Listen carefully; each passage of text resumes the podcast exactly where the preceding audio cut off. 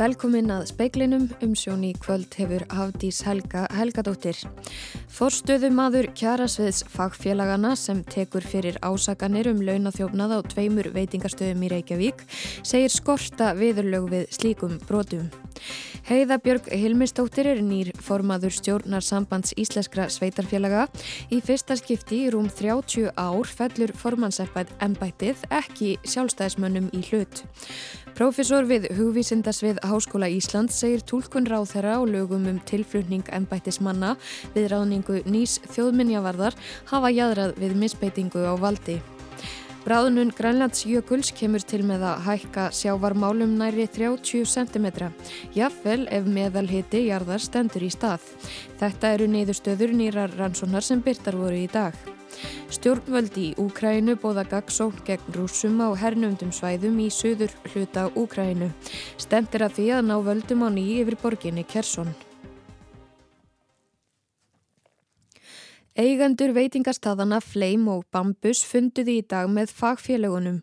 Rekli var samtökum nokkura félaga, þar á meðal matvís félagsiðnaðarmanna í matvæla og veitingageranum vegna ásakana um stórfældan launathjófnað á hendur tryggja starfsmanna staðana.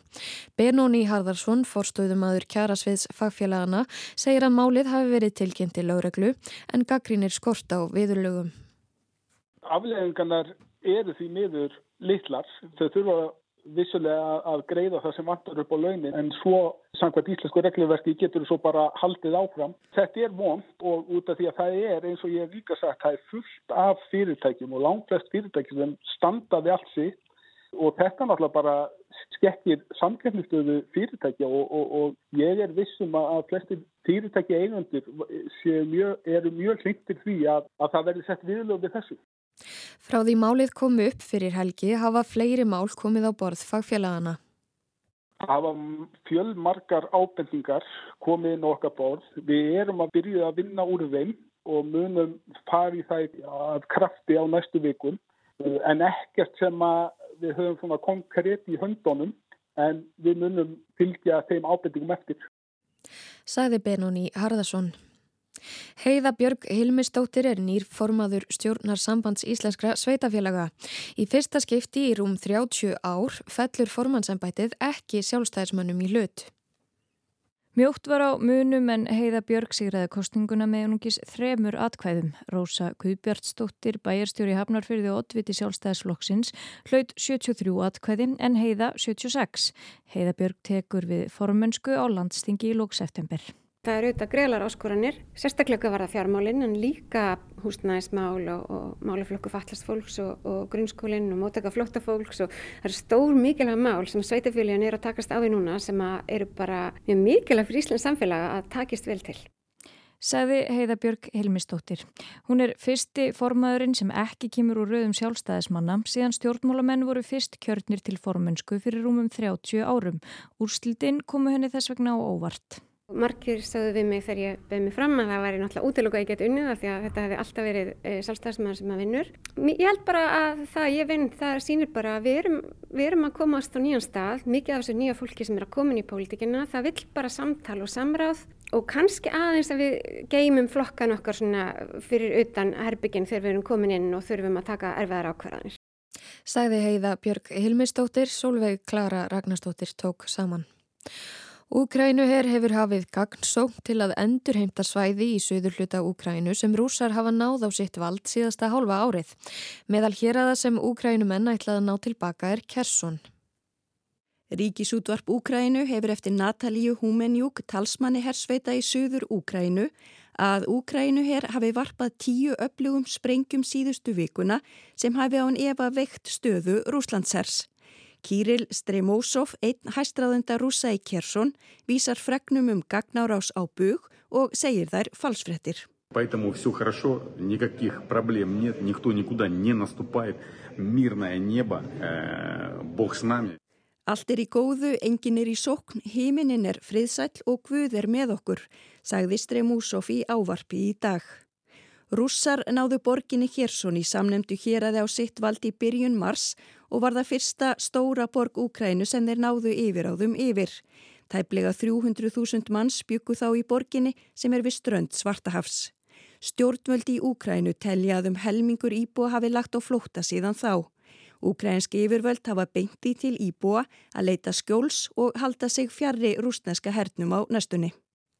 Dagni Hulda Erlendstóttir sagði frá. Bandaríska geimvísindastofnunin NASA frestaði jómfrúar geimskoti nýrar eldflögar Space Launch System. Nýja flögin sem að átti að taka á loft um hádegispil í dag er svo kraftmesta í sögu NASA og mun á komandi árum flytja menn á tunglið í fyrsta sinn í um hálfa öld. Þá mun eldflögin einnig flytja menn til Mars upp úr árinu árinu 2040 ef áætlanir ganga eftir. Tæknibilanir urðu til þess að ekki var hægt að skjóta SLS á loft í dag. NASA horfir til annaðkvort annars eða 5. september í staðinn og segja forsvarsmenn stofnunarinnar að nokkuð líklegt sé að takist að skjóta flauginni á loft þá. Jável þó meðalhiti á yfirborði jarðar hækkaði ekki meira mun bráðnun Grænlandsjökuls leiða til mikillar hækkunar sjávarmáls. Þetta eru niðurstöður nýrar rannsóknar sem byrtust í reytinu Nature Climate Change í dag. Bráðnun íshellunar á Grænlandi er einn helsta orsök hækkandi sjávarmáls í dag. Loftslag hlínar hraðar á heimskautunum en annar staðar á jörðinni og segja jöklafræðingar að svo hlínun sem þegar er orðin muni leiða til þess að 3,3% íshellunar bráðni. Það þýði 27,4 cm hækkun sjávarmáls.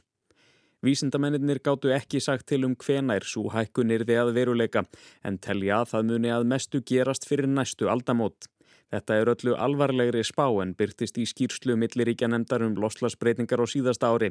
Í þeirri skýrslu var 18 cm hækkun sjáarmál spáð fyrir næstu aldamót. Jason Boggs, aðal höfundur nýju rannsóknarinnar, var líka einn höfunda skýrslu milliríkja nefndarinnar. Hann sagði nýju niðurstöðunar benda til þess að fyrra mat hafi verið of hóflegt.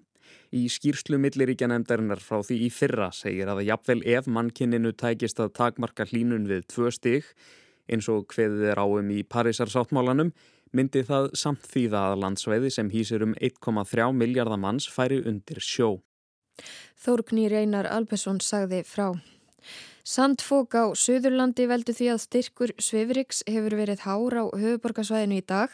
Birgir Örn Höskuldsson, veðurfræðingur á Veðurstofu Ísland, segir að sandfók verði reglulega þegar sterk suðaustanátt blæs yfir suðvesturhorn landsins. Sandfókið sé þó óvenju ábyrjandi núna vegna raka í lofti og þungbúina skýja. Hann segir erfitt að gera grein fyrir upptökum fóksins, ekkert sjáist á gerfitunglamyndum vegna styrk skýja. Þá sé erfitt að segja til um framhaldið. Vindáttinn breytist þó lítið í dag og fram á morgundaginn.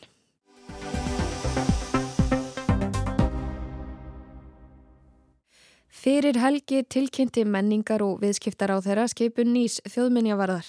Ferli ráðningarinnar hefur sætt mikilli gaggrinni. Staðan var ekki auglist heldur nýtti ráð þeirra heimild í lögum um réttindi og skildur starfsmannaríkisins til að flytja ennbættismenn á milli stopnana. Jón Ólafsson, profesor við hugvísindasvið Háskóla Ísland, segir heimildin að vera jákvæða, séu nýtt á réttan hátt. Í þessu tilfelli hafi ráð þeirra mistúlkað heimildina og ráðningin jáður aðri við mispeitingu valds.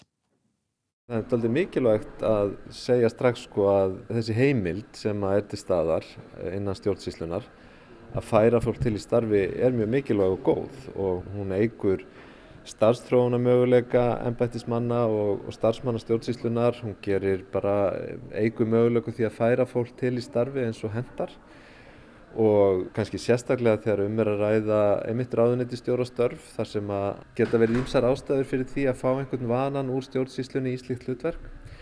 En í þessu tilfelli með þjóðminjavörð þá held ég að það gegnir aldrei öðru máli og það er það sem að gerir þetta máli mitt mjög áhugavert að þarna er, er ráð þeirra að tólka þessa heimil til að færa fólk til innan stjórnsísluna sem svo að hún geti bara skipað hvert sem er úr stjórnsíslunni í hvaða starf sem er og ég held að það sé, það er að mínum að þetta er ekki réttur skilningur á þessu. Ég held að það sé alveg burt séð frá því hvaða hæfileika og reynslu þessi tiltekni einstaklingu kann að hafa. Þá er það alveg rosalega varhugavert og, og er í rauninni, ég myndi segja, jæðrar við misbeitingu á valdi. Já, en þetta er samt má samkvæmt lögum verðist vera. Já, og, og það er einmitt málið. Ég meina, eitt af því sem að stjórnmálamenn þurfa að skilja og ráðferðar sérstaklega er að þeir hafa oft alls konar heimildir sem að þeir þurfa ekki endilega að beita. Og það er bara spurning um domgrend valdsmanna að skilja það hvenar er eðlilegt og rétt að beita heimildum, hvenar það er öllum í hag og hvenar svo er ekki. Og í, menna, þegar um er að ræða yfirmann stopnunar sem að, að leikur gríðarlega mikilvægt hlutverk og bæði þjónustar og vinnur með stórum hópi sérfræðinga, fordleifafræðingum, sagfræðingum og mörgum fleiri að þá er að sjálfsögðu allt annað upp á teningum heldur en þegar að verður að, að manna ákveðin stjórnsýslu störf. Þetta er mjög mikilvægt menningarlegt hlutverk og, og þess vegna held ég að það sem að bara fagfjölu og aðrir hafa verið að segja í fjölumölum utanfarta daga um að að þarna sé bara mjög mikilvægt að það sé opinn samkeppni um svona stöðu, það sé bara, það blasir við að, að það er það sem að ráðferðan ætti að beina aðtegli sinni að frekar en að, að ákveða bara svona sjálfur baku tjöldin eða einhvern veginn að einhver manneskja sé best í starfið, hún getur verið fín en það aðferðin er bara ekki rétt. Þannig að það væri svona að þínu mati domgrandar brestur? Ég myndi svona hallast að því að ég vilja vera að eitthvað þykjast vita um nákvæmlega hvað likur að baki en þetta er svona dæmigerð kannski svona dæmigerðu miskilningur finnst mér á valdheimildum og, og líka það grefur náttúrulega undan trösti almennings á stjórnvöldum þegar að fólk, þegar að ráðamenn skilja ekki alveg að það þarf að vinna með samfélaginu, ekki bara ákveða fyrir samfélagið hvernig hlutinir er að vera. Þannig að þetta grefur undan trösti til stjórnmáluna? Já, mér finnst það og þetta er alveg svona dæmigerð þannig aðgerð og það er svo minna, hluti af því sem er svo ofbúðslega mikilvægur, eða það sem er svo mikilvægur hluti af því að byggja upp tröst er bara gagsægi og það sé líka sangirni í því hvaða möguleika fólk hefur. Þar á meðal á því að keppa um aðstu stöður samfélagsins og ég held að þegar við erum að tala um, um mannesku sem á að vera yfir stórum geira sem, sem er uh, og sviði í samfélaginu sem að skiptir gríðarlega miklu máli menningalögu til framtíðar þá er auðvitað mikilvægt að, að passa upp á allt gagsægi í sambandi við það. Mm -hmm. Finnst þér að það ætti eitthvað að skoða þessar valdheimildir? Sko eins og ég, ég sagði það sko þá, þá er kannski heimildin sjálf tel ég að sé mjög góð og ég held að stundum séu sé svona tilfærslur gaggrindar að ósegju. Stundum eru þar alveg eðlilegar og mjög góðar. En, en þarna er komið tilfelli þar sem svo er ekki og, og ég held að, að þarna þurfi kannski ráðamendaldið að horfa í einn barm og, og ég menna þetta vekur þá spurningu hvort að, að við þurfum alltaf að hafa óbúslega þraunga reglur hvort að við getum virkilega ekki búið í samfélagi þar sem að almenningur bara einfallega treystir ráðamönnum til þess að beita domgrænsinni rétt og, og, og, og átta sig á því hvenar eðlilegt er að beita valdheimild og hvenar ekki. Þetta var Jón Ólafsson, hólfrýður dagni Friðjónsdóttir talaði við hann.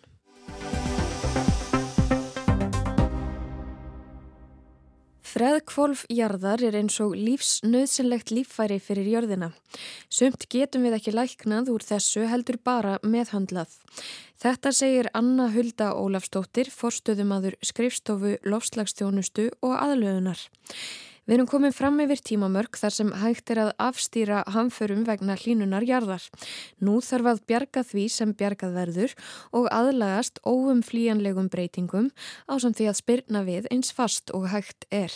Bráðunum jöklana áður hafi alltaf verið svolítið talað um að þetta væri svona snem viðverun að early warning signal segi sletta hans á ennsku en þetta er í rauninni ekki það lengur að því að við erum inn í þessari meðurbreytingu, við höfum orðið vör nú þegar við loftlagsbreytingar, við finnum þetta og fólk er fara að verða miklu meira vart við þetta bara svona almennt, þannig að hérna, þetta er ekki bara viðvörun, heldur er þetta, þetta er orðið þáttur sem er að íta breytingunum meira af stað. Fræðmýrin eða permafrost, hún til dæmis, þegar hún er að bráðuna, þá er eina áhrifuna sem verður þar að, að hérna, gróðurúsaloftegundur fara út í andrúsloftið og þar leðandi eru við að sjá þessar hringrárs magnast en meira, það línar meira bara því að hún er að bráðna þannig að hérna, áhrifin magnast.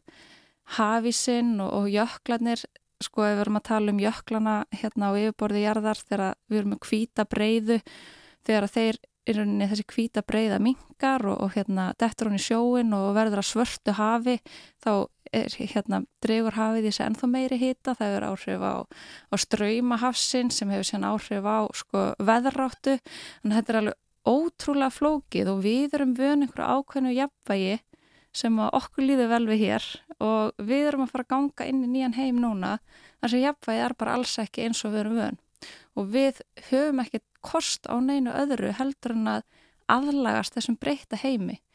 Mannkynni hefur gengið í gegnum alls konar í gegnum aldinnar og við hefum aðlagast fullt af hlutum og núna er bara komið svo tími að, að, hérna, að við erum inn í breytingum, við vitum hvernig endapunkturinn er, vísindamann eru sammála um það, við, þeir eru kannski sko, innan milli vísindamanna þá eru einhverja til, tilgötur um sko nákvæmlega hvernig leiðan þangar fer, hversu hérna bratt við náum þessum endapunkti eða, eða ekki en þeir eru allir sammála allavega á þessari ráðstefnu um hver endapunkturinn er. Vi, við sjáum það bara mjög skýrt. Vísindamenn sem skýrðu frá niðurstöðum rannsóknar sinna á freðkvolfs ráðstefnu í síðustu viku eru allir á því að freðkvolfið sé að bráðna og það hratt. Hversu hratt það gerist, segir Anna Hulda, sé þó enn undir viðbröðum mannkinsins komið. Vísindamenn eru líka sammála um að hlínun sé mest á norðurkveli jarðar. Það hefur verið að hitna sko alveg upp í helmingi meira og tvöfalt meira á þessum svæðum sem að, á þessu artik svæði heldur en annars þar í heiminum.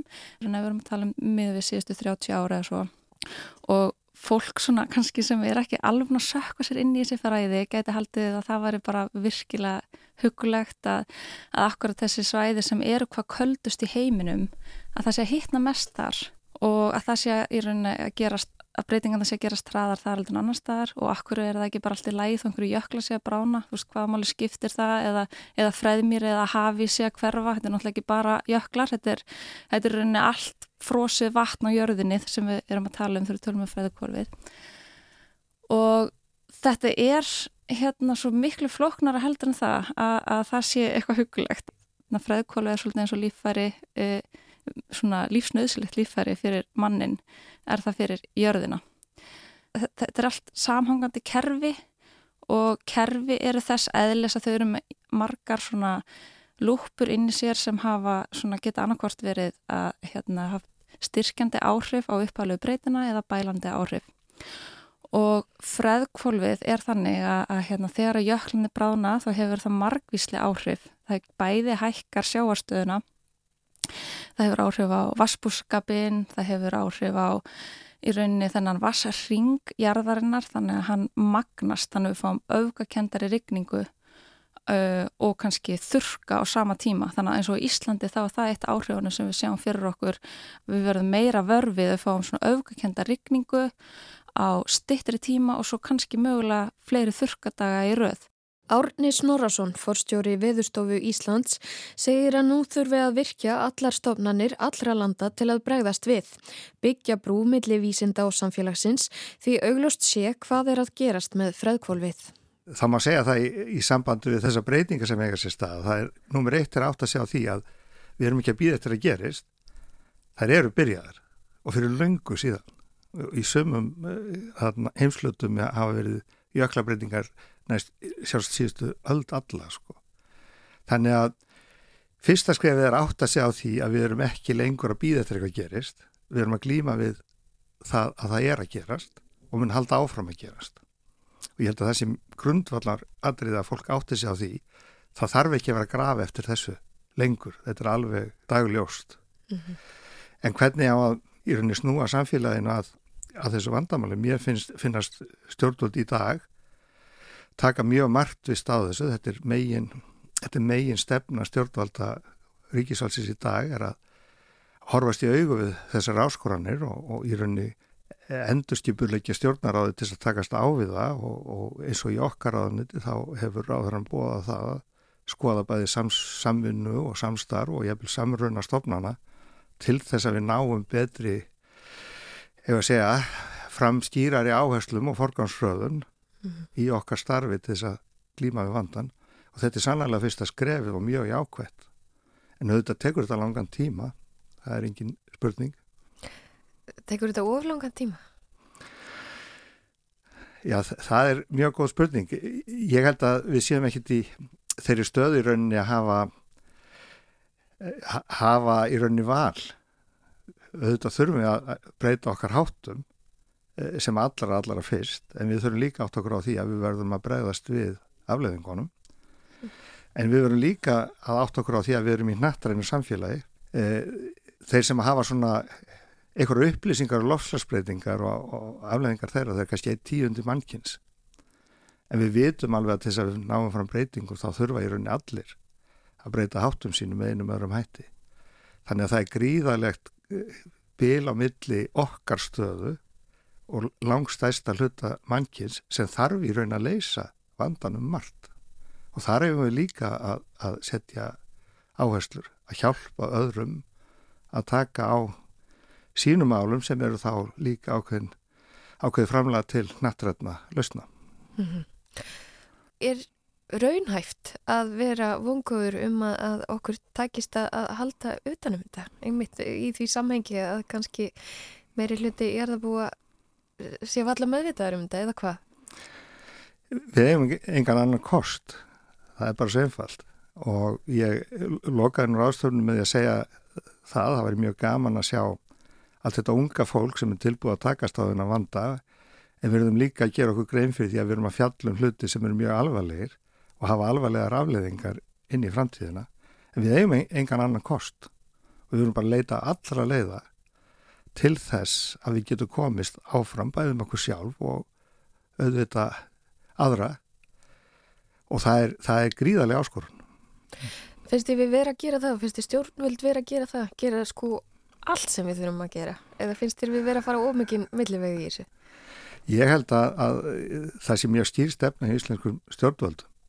En hún kannski þarf að ná til fleiri þáttarsamfélagsins og það, það má kannski segja það að við erum náttúrulega hefja þá vegleið með stýristefnu núna, stjórnvalda eh, það er sannlega mikill áfangi en við verðum líka að líta víðar og við verðum að horfa til dæmis á þetta alþjóðastamstarf það er ákveðin alþjóðleg al, alþjóðlegi samningar til dæmis alþjóða viðfræðistofnunin hún, hún er eh, í rauninni fulltrúi allra landa og gegna mikilvægi hlutverki til þess að tengja okkur vísindaheiminn yfir í þjónustur sérstaklega í, í þrónulundan og þetta er mekanismi sem við eigum að nota eins og við mögulega getum samankildir í UNESCO sem að náttúrulega eh, hefur, bæ, hefur bæði vísindi og, og menningu undir sínum hatti en við eigum að nota þá innviði alþjóðlega eins, eins vel og við getum okkar þróunararstóð til þess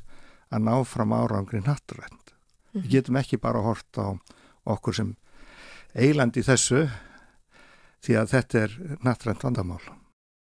Segir Árni Snorarsson, fyrir það var tala við önnu huldu Ólafstóttur.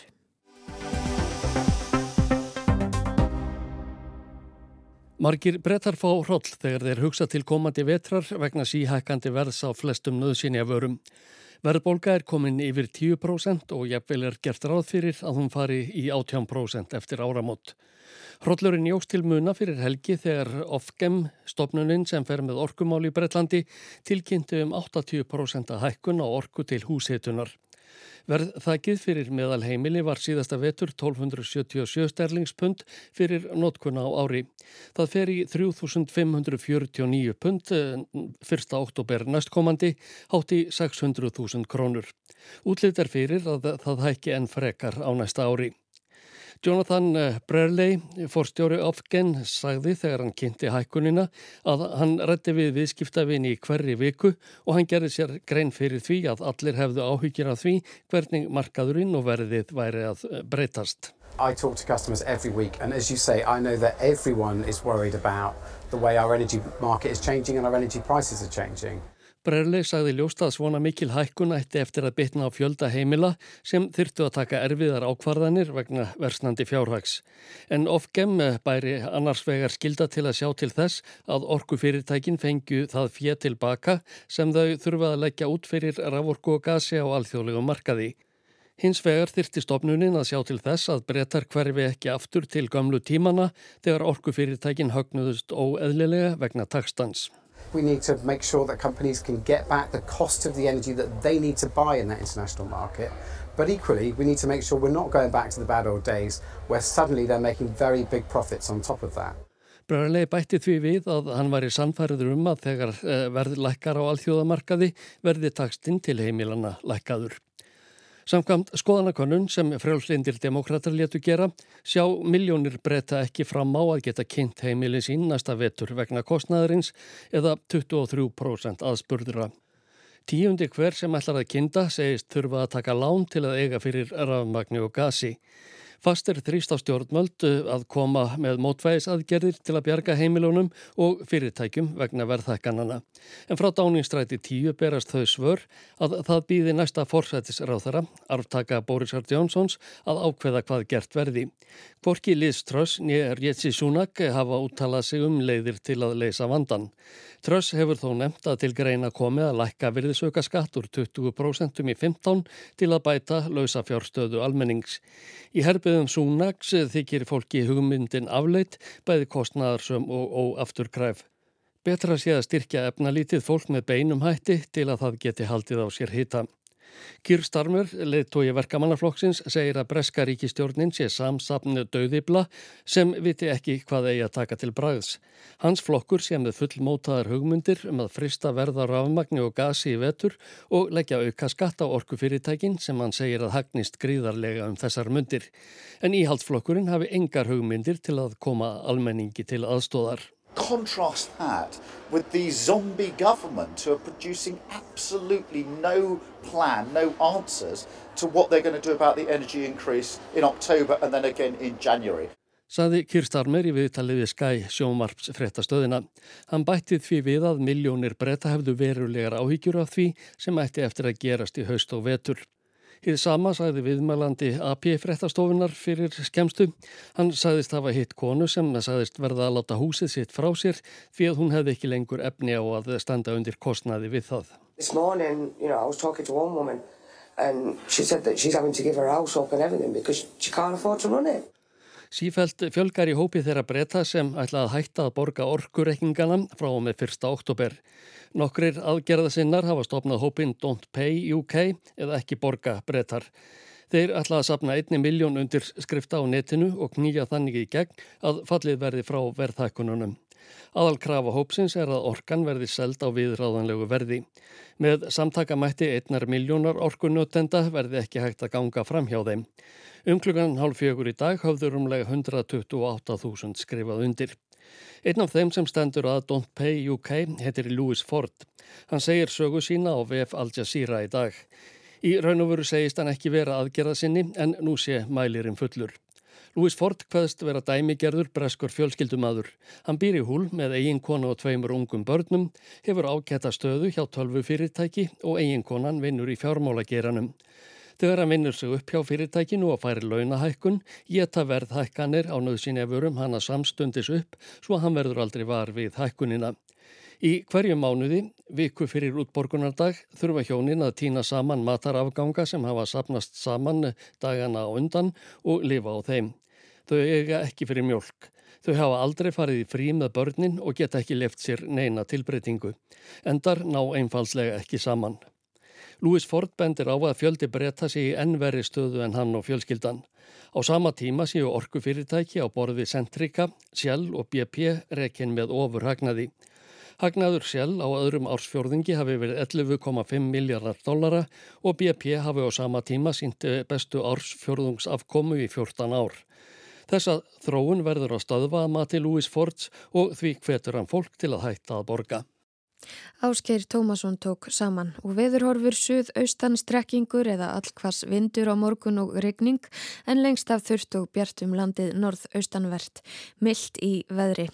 Fleira er ekki í speiklinum í kvöld, tæknimaður í útsendingu var Mark Eldredd, verðið sæl.